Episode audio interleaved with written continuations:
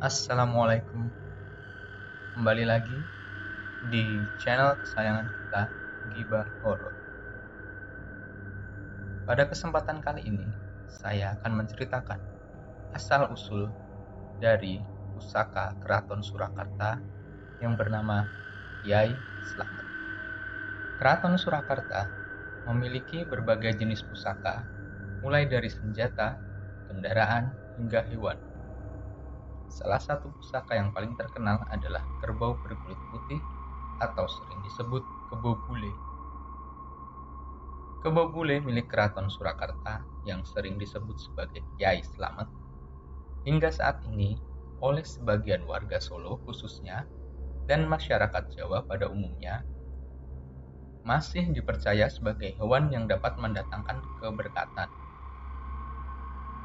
Hal tersebut dapat dilihat pada saat kirap malam satu suro. Ribuan warga berdesak-desakan berebut air pajamas atau kotoran saat kerbau dikirap.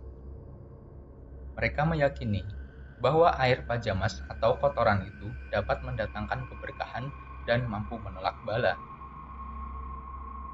Lalu, dari manakah asal-usul kebubule Kiai Selamat tersebut? Pada masa pemerintahan Sunan Pakubuwono II, terjadi peristiwa besar di mana warga Tionghoa melakukan perlawanan terhadap VOC di Batavia. Kejadian ini merembet ke berbagai daerah di Pulau Jawa karena banyak warga pribumi turut membantu perjuangan Laskar Tionghoa dalam melawan VOC. Bahkan, pemberontakan itu mampu membunuh seorang pimpinan pasukan kompeni yang bernama Van Velsen pada tanggal 10 Juli 1741.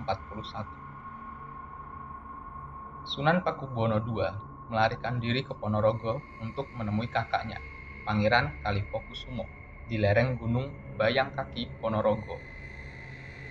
Pangeran Kalipokusumo merupakan putra dari Sunan Pakubuwono pertama dari Keraton Kartosuro beliau berniat untuk menjauhkan diri dari suasana kemewahan di dalam keraton dan hiruk-pikuk keramaian.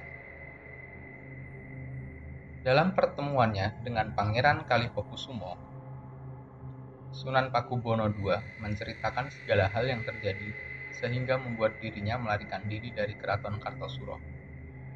Pangeran Kalipokusumo menyarankan agar adiknya bersedia bertapa di bawah pohon sawo yang terletak di sebelah selatan Gunung Bayangkaki. Sunan Pakubuwono II melaksanakan nasihat dari Pangeran Kalipokusumo untuk bertapa di bawah pohon daerah Sabu. Sekarang ini, petilasan tempat bertapa Sunan Pakubuwono II itu masih ada dan disebut petilasan Sunan Kumbul. Sementara itu, setelah bertemu dengan Pangeran Kalipokusumo dan bertapa di pohon sabu, rombongan Sunan Pakubuwono II melanjutkan perjalanan ke Pondok Gerbang Tinatar di Desa Tegal Sari. Ada tiga alasan dipilihnya pesantren Tegal Sari sebagai tempat pengungsian. Pertama, terkait dengan konsep jejer pandito, yang maksudnya adalah Sunan Pakubuwono II ingin menampilkan sosok Kiai Ageng Muhammad Besari sebagai seorang pandito yang akan membimbingnya dalam setiap tindakan yang akan diambil.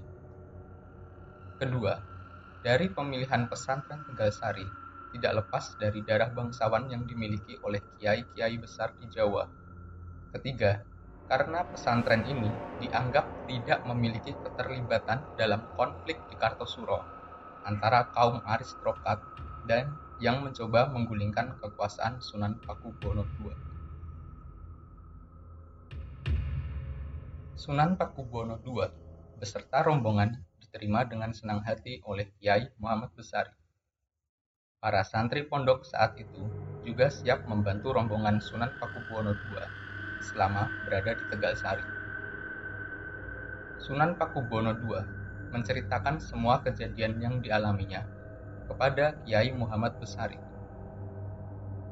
Sunan Pakubuwono II juga meminta nasihat serta doa pada Kiai Muhammad Besari supaya diberi kesabaran dan diberikan kekuatan supaya bisa mengatasi semua masalah yang sedang dihadapi.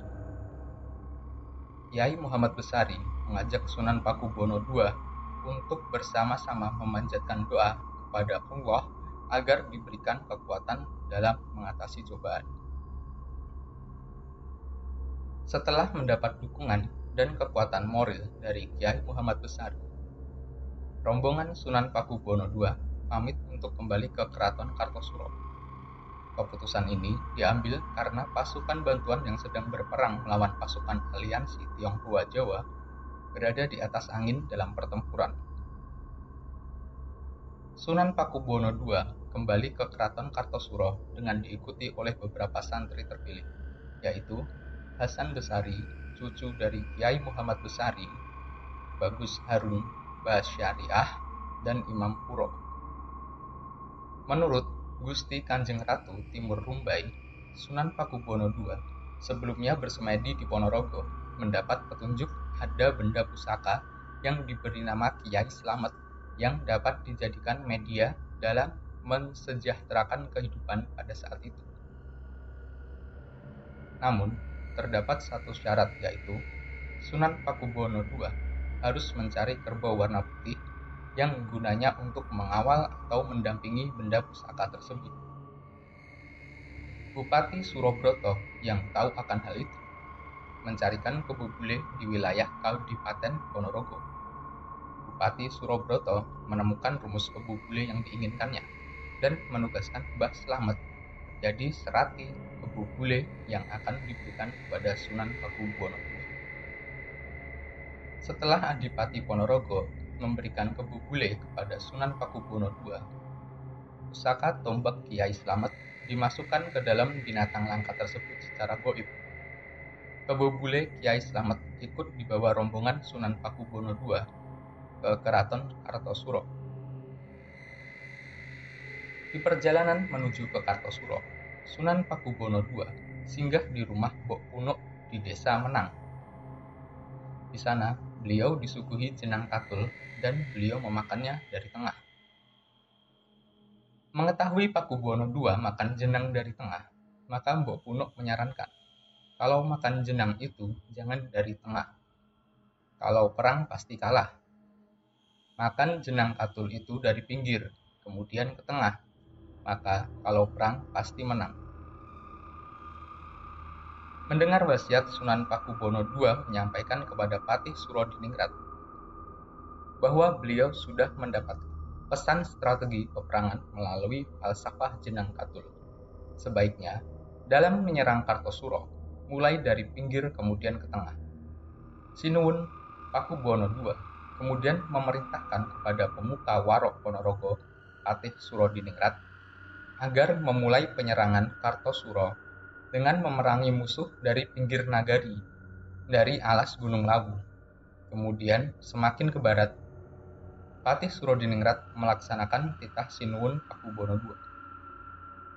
Pasukan Surodiningrat beserta Warok Ponorogo dan para santri sampai ke Kartosuro, sementara pasukan Cina sedang berpesta pura merayakan kemenangan berhasil menggulingkan Pakubono. Mereka lengah bahwa pasukan Surodiningrat bersama Warok telah siap menyerang Kartosuro. Perang tak terelakkan dan pasukan Surodiningrat berhasil menang serta berhasil merebut kembali Keraton Kartosuro. Demikian sepenggal cerita mengenai asal-usul Kiai Slamet. Semoga dapat memberikan pemahaman yang lurus kepada para pendengar setia Ibah Horor. Akhir kata, wassalamualaikum warahmatullahi wabarakatuh.